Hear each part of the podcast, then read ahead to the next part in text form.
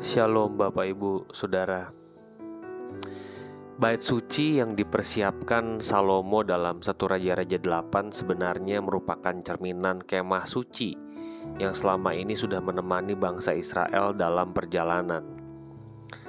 Ritus yang dilakukan oleh Salomo mengikuti dengan persis apa yang Musa tuliskan dalam kitabnya.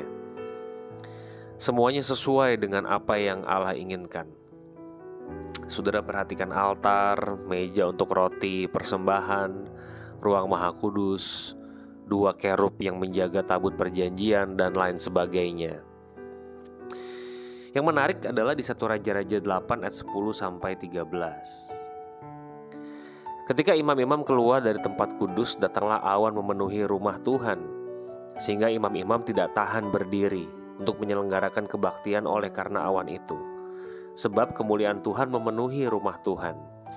Pada waktu itu berkatalah Salomo, Tuhan telah menetapkan matahari di langit, tapi ia memutuskan untuk diam dalam kekelaman. Sekarang aku telah mendirikan rumah kediaman bagimu, tempat engkau menetap selama-lamanya.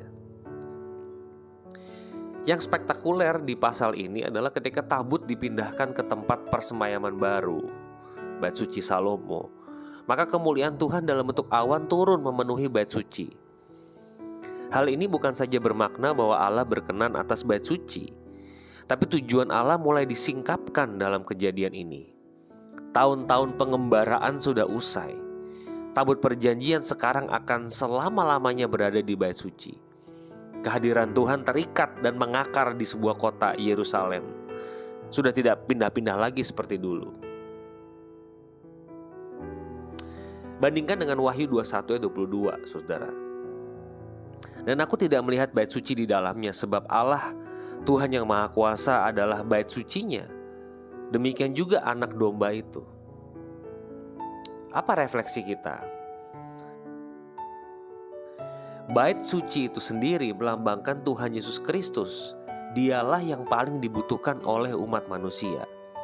Dia stabil, dia tidak akan pindah-pindah. Dia akan menemani umat sampai selama-lamanya. Tidak ada yang dapat memisahkan kita dari kasih Kristus. Fix. Di bait suci ini hanya ada satu yang disembelih, Tuhan Yesus Kristus. Tapi satu korban ini cukup untuk menebus dosa seluruh umat manusia.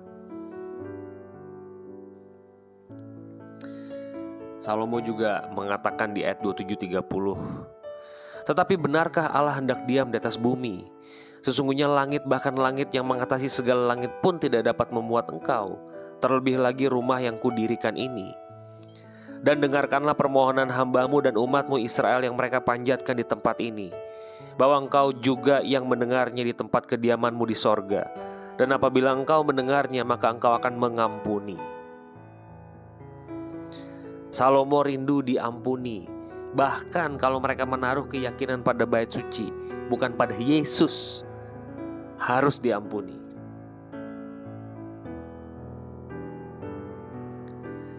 Bagian yang terakhir saya kutip dari ayat yang ke-60. Salomo mengatakan supaya segala bangsa di bumi tahu bahwa Tuhanlah Allah dan tidak ada yang lain. Salomo nampaknya melihat perjanjian Allah dan Abraham. Kehadiran bait suci Israel yang tetap dan stabil bukan hanya demi kepentingan bangsa Israel semata, tapi demi keselamatan dunia ini. Saudara, peristiwa di Perjanjian Lama ini bukan hanya sebuah kejadian penting bagi Salomo dan orang Israel pada zaman itu. Peristiwa ini mengandung pesan Injil bagi kita di zaman ini. Tuhan adalah gunung batu yang stabil, kokoh, dan tidak tergoyahkan. Kita harus sadar bahwa kebutuhan manusia yang terutama ialah Tuhan. Maka pemazmur mengatakan lebih baik satu hari di pelataranmu daripada seribu hari di tempat lain.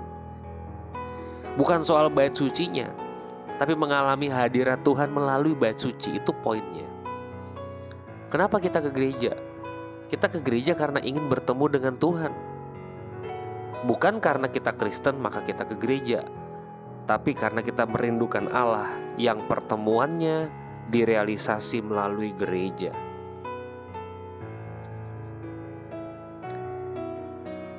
Engkau menyatakan dirimu Tuhan, bahkan sejak perjanjian lama.